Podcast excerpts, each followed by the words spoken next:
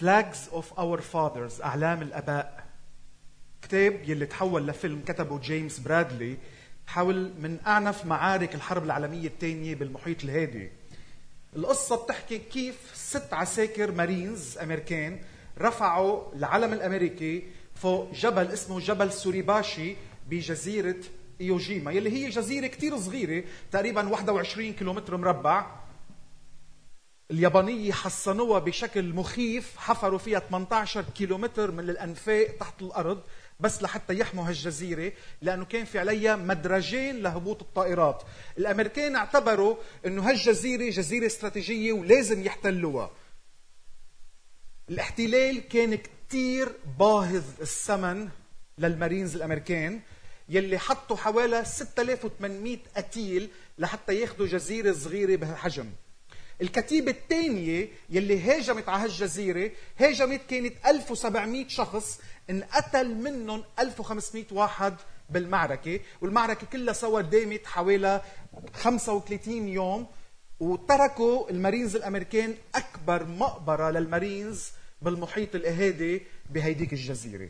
جيمس برادلي بكتابه بيسأل بعض من العساكر اللي كانوا عم بيحاربوا بيقول لهم شو اللي خليكم تروحوا؟ طبعا ما تنسوا هول عساكر نازلين على شط ما في محل يتخبوا فيه واليابانية كانوا حاطين مدفعية ورشاشات كلها مموهة نازلة عم تحصد حصد بهالجنود. سألوهم لهالعساكر شو اللي خليك تضلك تهجم وتقدم لقدام؟ طبعا في أسباب عديدة لكن كان في جواب واحد كان يتكرر كل الوقت بمعظم العساكر يلي قبلهم جيمس برادلي. الجواب كان هو هولي رفقاتي وهن بحاجة لإلي جيمس برادلي بيقول هيدا السبب يلي كتير من العساكر راحوا لموتهم لحتى يدافعوا ويحموا أصدقائهم. بخلال سنيني قابلت كتير ناس بالحرب اللبنانية يلي اشتركوا بمعارك إن كانوا بالجيش أو إن كانوا بالأحزاب. وكلهم بدون استثناء قالوا لي إنه وقت اللي بنكون بالخندق وقت اللي بنكون على المتريس وقت اللي بنكون بالحرب وقت الأزيف نازله عليك والرشاش والقواص أنا عم بحارب مش كرمال عقيدة أنا عم بحارب مش كرمال بلد أنا عم بحارب مش كرمال هالأشياء أنا عم بحارب لسبب واحد بس هو رفيقي يلي واقف حدي. أنا عم بحارب كرمال رفيقي يلي واقف حدي يلي أنا مستعد موت لاحميه وهو مستعد يموت ليحميني سؤال لكل واحد نفكر فيه. مين مستعد يموت كرمالك؟ مين مستعد يموت كرمالك؟ هل استثمرتوا حياتكم بحياة شخص تاني لدرجة إنه هالقد صار في محبة بيناتكم إنه هالشخص صار مستعد يموت كرمالك. طبعا أنا مش عم بحكي على الحب بين رجال ومرأة ومرأة ورجال. عم بحكي هون الحب الصداقة. اليوم رؤية الكنيسة هي العائلة المقدسة ومنحقق هالرؤية من خلال المجموعات البيتية الصغيرة.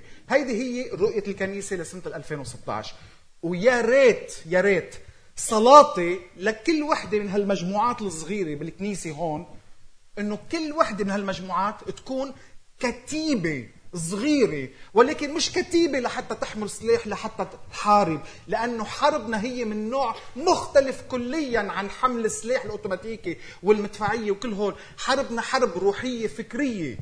ولكن يا ريت كل هالمجموعات كتيبة صغيرة يلي بيخدموا فيها يلي بيحبوا بعض فيها يلي فيها الشركة ويلي تعمل للكرازة وكل هالشي كرمال مجد الرب يسوع المسيح. تسألوني ليش المجموعات؟ ليش؟ ليش كتير عم نركز على المجموعات؟ طبعا بالكتاب المقدس إذا بنقراه من أوله لآخره ما بيقول لكم اجتمعوا بمجموعات هذا الشيء مش موجود. ولكن في كتير وصايا وهالوصايا كلها فيها كلمة بعضكم بعضا بعضكم بعضا. يلي إذا بنسأل حالنا كيف فينا نطبق هالوصايا؟ كيف فينا نعيشها؟ هل فينا نعيشها أنا بيجي نهار الأحد الصبح هون بقعد ساعة أو ساعتين برنم بوقف بقعد بوقف بقعد بسمع وعظة بقول أمين وبرجع بطلع بفل على البيت. هل في طبقها هيدي؟ الجواب هو لا.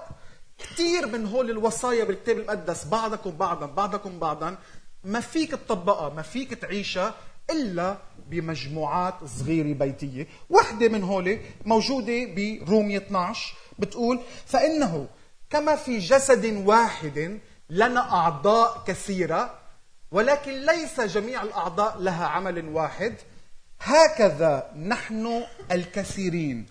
جسد واحد في المسيح وأعضاء بعضا لبعض كل واحد للآخر. بدي أرجع عيد آية خمسة. هكذا نحن الكثيرين. جسد واحد في المسيح وأعضاء بعضا لبعض كل واحد للآخر. ولكن لنا مواهب مختلفة بحسب النعمة المعطاة لنا. النبوه فبالنسبة إلى الإيمان أم خدمة ففي الخدمة أم المعلم ففي التعليم أم الواعظ ففي الوعظ المعطي فبسخاء المدبر فباجتهاد الراحم فبسرور. أحد الأسس وقت اللي عم بيعلق على هالمقطع بيسأل حاله سؤال. بيقول هل يا ترى عم نشوف إنه الناس بشكل عام والمؤمنين بشكل خاص عندهم كثير أنواع من المشاكل إن كانت مشاكل نفسية مشاكل عاطفية مشاكل زوجية مشاكل مالية آه، اكتئاب قلق فوبيا إدمان هل هو السبب لهالمشاكل كلها؟ هو خلل بالطريقة يلي عم بيعملوا الشركة فيها بين بعضهم البعض بالكنيسة عم بيقول هل يا ترى هيدا هو السبب؟ هل يا ترى هالسبب الكبير يلي قسم كبير من الناس تركض لاطباء النفس وعندها الفكرة براسها إلى من نذهب؟ لوين بنروح بيروحوا لاطباء النفس عم بفتشوا على حل لمشاكلهم. وإذا بتفكروا فيها الطبيب النفساني كيف بيساعد العالم؟ في ثلاث طرق ما في غيرهم. أول طريقة هي بيقعد الحكيم مع الشخص اللي زي الزورو بيقعدوا مع بعض واحد واحد. وبيحكوا مع بعض. الطريقة الثانية بحطوا بمجموعة بسموها مجموعة شفاء. وفي تنوع من هالمجموعات بشكل مخيف. بسموهم 12 step recovery programs أو مجموعة شفاء من 12 خطوة. في منها Alcoholics Anonymous في منها Overeaters Anonymous في منها Victims of Sexual Abuse Anonymous في منها Victims of Car Crash Survivors Anonymous وقد ما بدكم من هالمجموعات في منها. وهالمجموعات أنت بتقعد مع ناس يلي مرقت بظروف مثلك وشو بتعملوا بهالمجموعة؟ تحكوا تحكوا ثالث طريقة طبعا هي الأدوية مثل مضادات الاكتئاب وغيرها انتي ديبريسنس ولكن خلينا نرجع لهالأول طريقتين. طريقة يلي تقعد مع الحكيم النفسي بيقدم لك المشورة. كيف بتصير؟ عن طريق حكي عم بيحكي معك بيسألك أسئلة وبتشارك معه. بيسألك أسئلة وبتشارك معه. طبعا منه بس إنه سؤال وجواب لكن المفروض يكون في محبة المفروض يكون في قبول المفروض يكون في بصيرة المفروض يساعدك تكتشف شو هي مشكلتك المفروض يخليك أنت تنمى وتتقدم أكثر ونفس الشيء المجموعة الثانية في واحد راح لعند حكيم نفساني وقال له الحكيم النفساني ليش ما بتبلش لي بمشاكلك من البداية؟ قعد الشخص هيدا هيك طلع بالسماء قال بالبداية خلقت أنا السماوات والأرض. طبعا آه، في ناس بحاجة أكثر من غيرها لأطباء نفسيين. ولكن يا ترى هل كنا منخفف من هولي إذا عشنا نحن بين حالنا إذا عشنا بكنيسة بمجموعاتنا البيتية بطريقة مثل ما الكتاب المقدس بده إيانا نعيش. وولفغانغ سيمسون كتب كتاب كتير مشهور ببلش هالكتاب بالجملة التالية. بيقول الكنيسة هي طريقة حياة ومنا سلسلة اجتماعات دينية. بأعمال الرسل بيقولوا أنه أتباع المسيح الأول سميوا الطريق. ليش سميوا الطريق؟ واحد من الأسباب كان لأنه لقوا طريقة كيف يعيشوا فيها وشو هي هالطريقة؟ الطريقة هي أنه كانوا يجتمعوا مجموعات صغيرة ببيوت بعدة محلات بالعهد الجديد نقرأ بيقلنا الكنيسة في منزلك عم بيقول الكنيسة في منزلك وهي بتتكرر أكثر من مرة بالعهد الجديد أكيد مش عم بقلل من قيمة الوعظ نهار الأحد الصبح وأكيد مش عم بقلل من قيمة العبادة اللي بنجي بنعملها كلنا الصبح هون. ولكن إذا بنقول إنه الكنيسة هي طريقة حياة ومنا سلسلة اجتماعات بتصير من وقت معين لوقت معين بمكان معين اللي هالمكان هو مقدس لحتى نجي هالمكان لنختبر يسوع. لا الكنيسة هي طريقة حياة.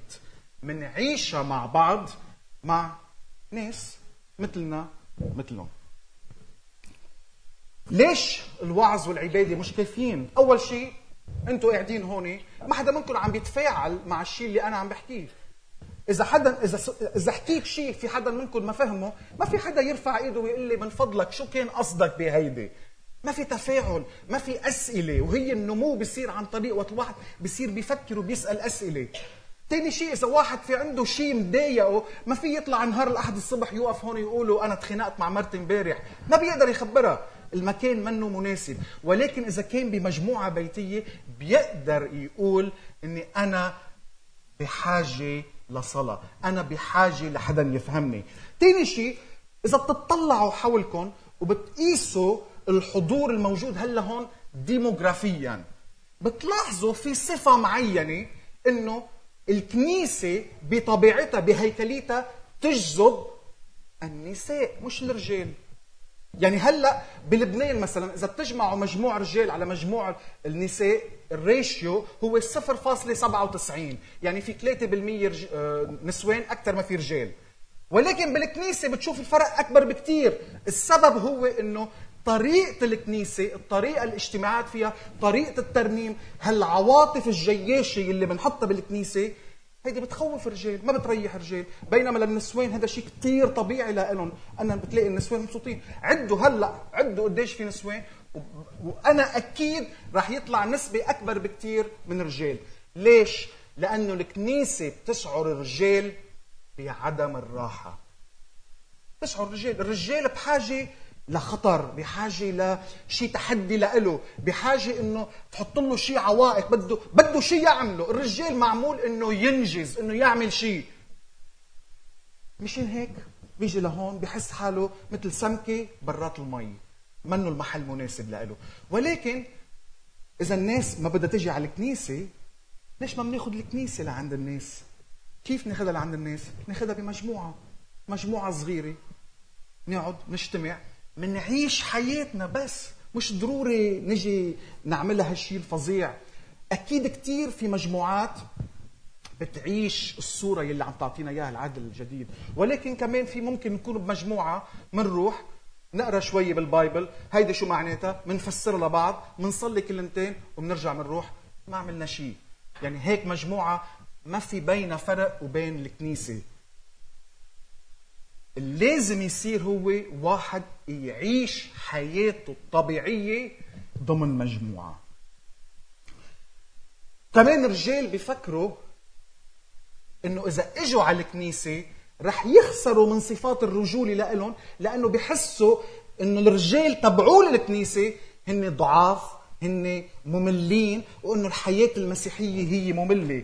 في نهار أحد الصبح إجت مرة لابسة محضرة حالها بتقول لزوجها يلا يا رجال بدنا نروح على الكنيسة. قال لها ما بدي أروح على الكنيسة وراح أعطيكي ثلاث أسباب ليش ما بدي أروح على الكنيسة. أول سبب الناس بالكنيسة باردين. ثاني سبب ما بيحبوني. ثالث سبب ما بدي أروح قالت له راح اعطيك ثلاث أسباب ليش لازم تروح. أول سبب في كثير ناس بالكنيسة ودودين وعندهم روح رفقة. تاني شيء وفي كتير ناس بالكنيسة بيحبوك. وثالث سبب انت القسيس البوس ثيابك ومشي. بآية خمسة بيقول هكذا نحن الكثيرين جسد واحد في المسيح وأعضاء بعضا لبعض. لاحظوا هون شو عم بيقول. أول شيء نحن كلنا واحد بالمسيح يعني كل واحد منا عضو بجسد المسيح ولكن بولس ما بيوقف هنيك بيقول نحن أعضاء بعضا لبعض. يعني الأخ هنيك هو عضو فيي وأنا عضو بالأخ وجيه والأخ وجيه عضو بالأخ مجدي. وهيك نحن أعضاء بعضنا لبعض. مثلا مثلا خذوا الكتف والإيد. إذا أنا ماشي وكان في شي درفة بالمطبخ مفتوحة وضربت كتفي. إيدي تعمل دغري ردة فعل بتحط إيدها على كتفي. ما في تفكير. هيدي ردة فعل هيك هيك بتصير بدون تفكير. برسالة كولوسي بيقول بولس فالبسوا كمختاري الله القديسين المحبوبين أحشاء رأفات. يعني كأني عم بيقول خلي يكون الحنان اللي طالع منكم طالع مش بس كمشاعر ولكن الإحساس تحس فيه بجسمك. يعني هيك لازم يكون الحنان والمحبة اللي عندك إياها لخيك ولأختك. وهيدا شيء ما بيكون شيء بدك تفكر فيه وبدك تيجي تعمل آه، تستخدم قوانين المنطق أو قوانين الإستنباط والإستنتاج لحتى توصل لنتيجة. لا! هيدي ردة فعل أوتوماتيكية بتطلع منك تجاه خيك. إذا خيك عم بيتألم إذا أختك عم تتألم وما بتحس من داخلك إنه أنا لازم أوقف حده لخيي في علامة استفهام كبيرة حول أنت بشو مآمن أنت بمين مآمن يمكن تكون بعدك بأول إيمانك بعدك ما اختبرت الإيمان بشكل عميق. لكن في ترابط عميق بين هالأعضاء. وبكفي بولس بيقول لكن لنا مواهب مختلفة بحسب النعمة المعطاة لنا. معناتها كل واحد منا عنده مقدار معين من النعمة وهالمقدار المعين من النعمة خلق فيك مواهب. وهون هالمواهب بحب شدد على نقطة إنه المواهب منا. الأخت رنا عندها موهبة الخدمة والأخت أوليفيا عندها موهبة الوعظ والأخت آه، سمر عندها موهبة الرحمة. لا. كل واحد عنده على القليلة في أربعة من هالمواهب الخدمة والوعظ الوعظ يعني تشجيع والعطاء والرح والرحمة. هول كل واحد منا عنده إياهم أو لازم يكون عنده إياهم هول مش إنه في هالشخص هيدا في عنده رحمة وهالشخص في عنده عطاء لا. كل واحد منا عنده مقادير مختلفة من هالمواهب. يلي درس تاريخ الإصلاح بسنة 1500 مارتن لوثر أكيد كلنا بنعرفه وكان في شخص ثاني اسمه ميلان خاتون.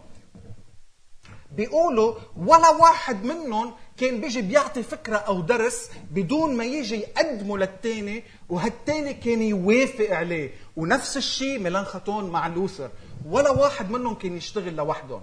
وكمان في واحد بالبرلمان البريطاني اسمه فوكس كان هو عضو بالبرلمان وكان في صديقه اسمه ماكنتوش اللي كان كاتب وقت اللي كان ماكنتوش يلقي خطابات وكان يكتب له إياها فوكس كانت قضيتهم فاشلة.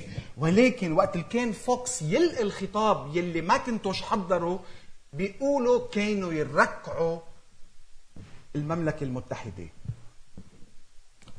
لكن في هون منكمل بعض نحن منكمل بعض وكل واحد منا عنده مواهب مختلفة. شو هن الاشياء اللي بنشاركهم مع بعض؟ بنشارك الوقت، الوقت هو أغلى أغلى عطية ربنا اعطانا إياها. الوقت. في واحد راح لعند حكيم عمل فحوصات طلع بعدين قال له حكيم طمني شو وضعي؟ قال له مويت. قال له شو؟ قال له ما في مويت. قال له قد عندي؟ قد عندي وقت طمني؟ قال له عشرة قال له شو عشرة؟ عشر سنين عشرة أيام عشرة أشهر؟ قال له الحكيم تسعة ثمانية سبعة ستة. شو بنشارك كمان؟ بنشارك بالمواهب بيننا وبع بعض وكمان بنشارك ممتلكاتنا. الثلاث أشياء اللي عندنا إياها هن وقت مواهب وممتلكات. كثير ناس بيسعوا نحو الممتلكات بشكل بخليني أقول أوقات عن جد حرام. في رجال راح اشترى سيارة بي ام دبليو جديدة من الشركة وطالع عم بيسوقها ومبسوط سيارة البي ام سيارة البي ام وعم بزقف لسيارته مبسوط بحاله. وهو عم بغني بفوت بعمود كهرباء مش هيش عم تتكسر السيارة بيعمل حادث كبير. بيجي واحد بيمرق حده بيطلع فيه بيقول له كيف؟ لك سلامتك سلامتك لك السيارة تكسرت. بيقول له لك إيدك الشمال مقطوشة إيدك الشمال مقطوشة. بيطلع هيدا بيقول ساعتي الرولكس ساعتي الرولكس ساعتي الرولكس. يا حبيبي راحت إيدك سألان عن الساعة. كثير ناس بيفكروا إنه إذا بيحصلوا على شيء معين بيحصلوا على السعادة. يلي بيكون معاشه خمسين بيقول رح كون مبسوط وقت اللي يصير معاشي مية وقت اللي بيصير معاشه مية بيقول رح كون مبسوط وقت اللي بيصير معاشي 200 وقت اللي بيصير معاشه 200 بيقول رح كون مبسوط وقت اللي بيكون معاشي 300 وبيعيش كل حياته راكد ورا السعادة وما بيوصل لها أبدا. في قسيس عم بيزوج رجال ومرأة. بيقول لهم بتمنى لكم السعادة ولكن ما بعمركم رح تلاقوا السعادة إذا بتسعوا للسعادة. رح تلاقوا السعادة فقط إذا تنشروا السعادة.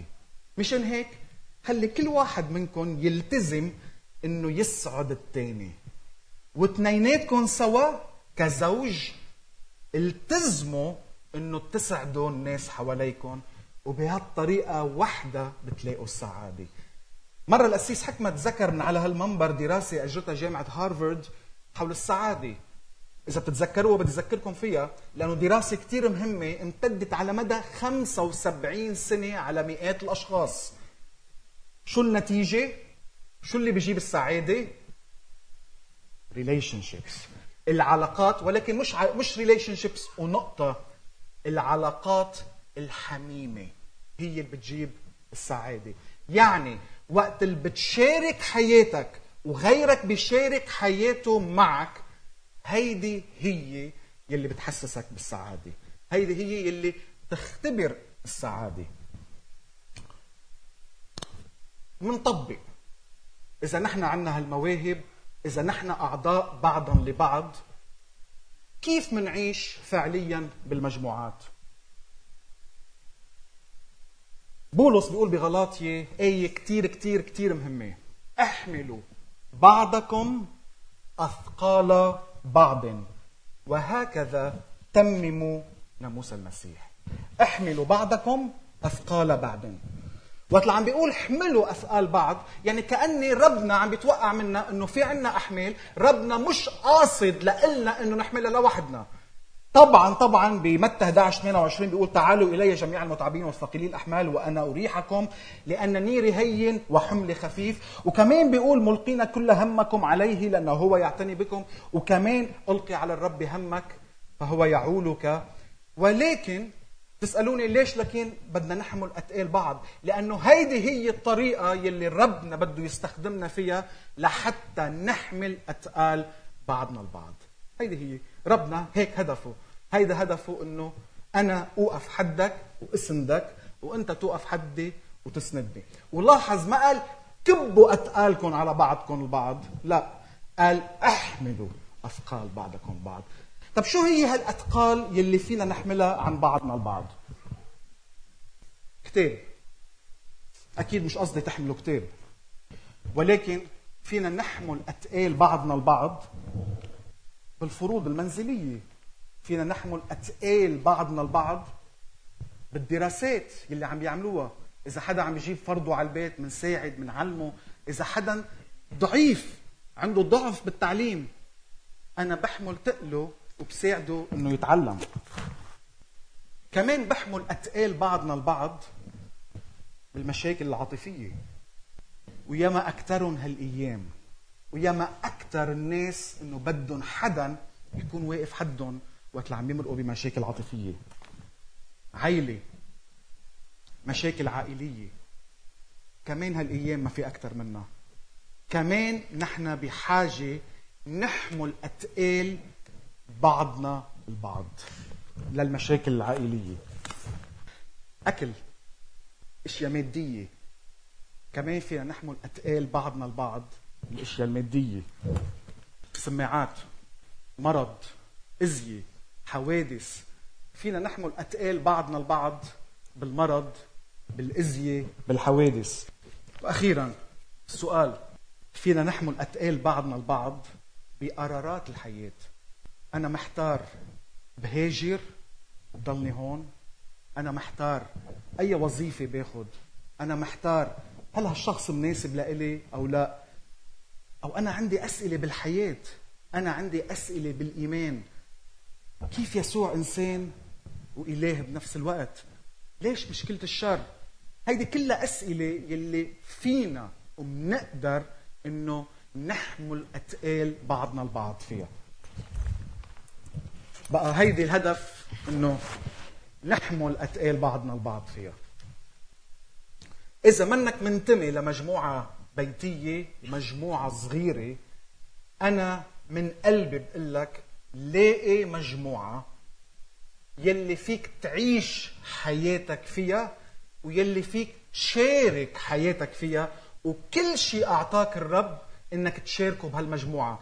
ما تنسوا وقت بنشارك بوقتنا مواهبنا ممتلكاتنا مع أولاد الرب. يسوع بيقول كل شيء بتعملوه مع إخوة الأصاغر هؤلاء كأنه عملتوه معي. يعني كأني شاركنا بكل هالأشياء مع يسوع بذاته. بقى ما تخافوا ما تكونوا مترددين. وأكيد وقت الواحد بده يجي يفتح قلبه بيكون متردد وخايف.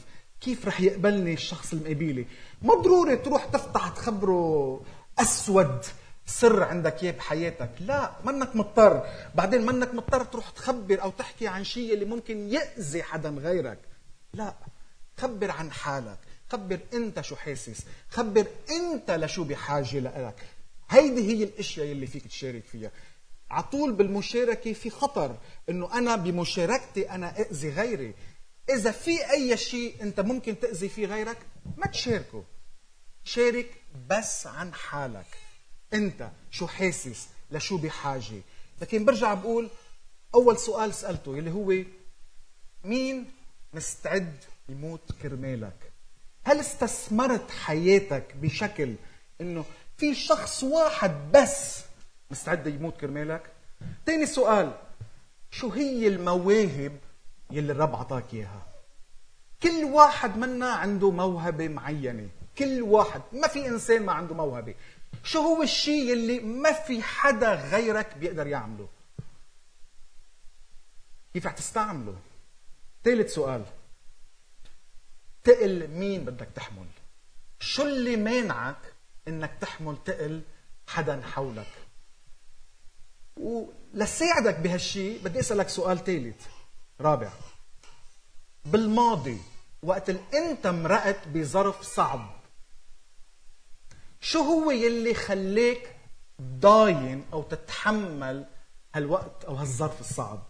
إذا كنت صادق مع حالك ورجعت لورا بتشوف إنه في شخص ترك بصمته بحياتك إنه ما عمل شيء هالشخص بس وقف حدك لا أكثر ولا أقل. مين عم يرشدكم الرب اليوم لتوقفوا حده الرب يبارككم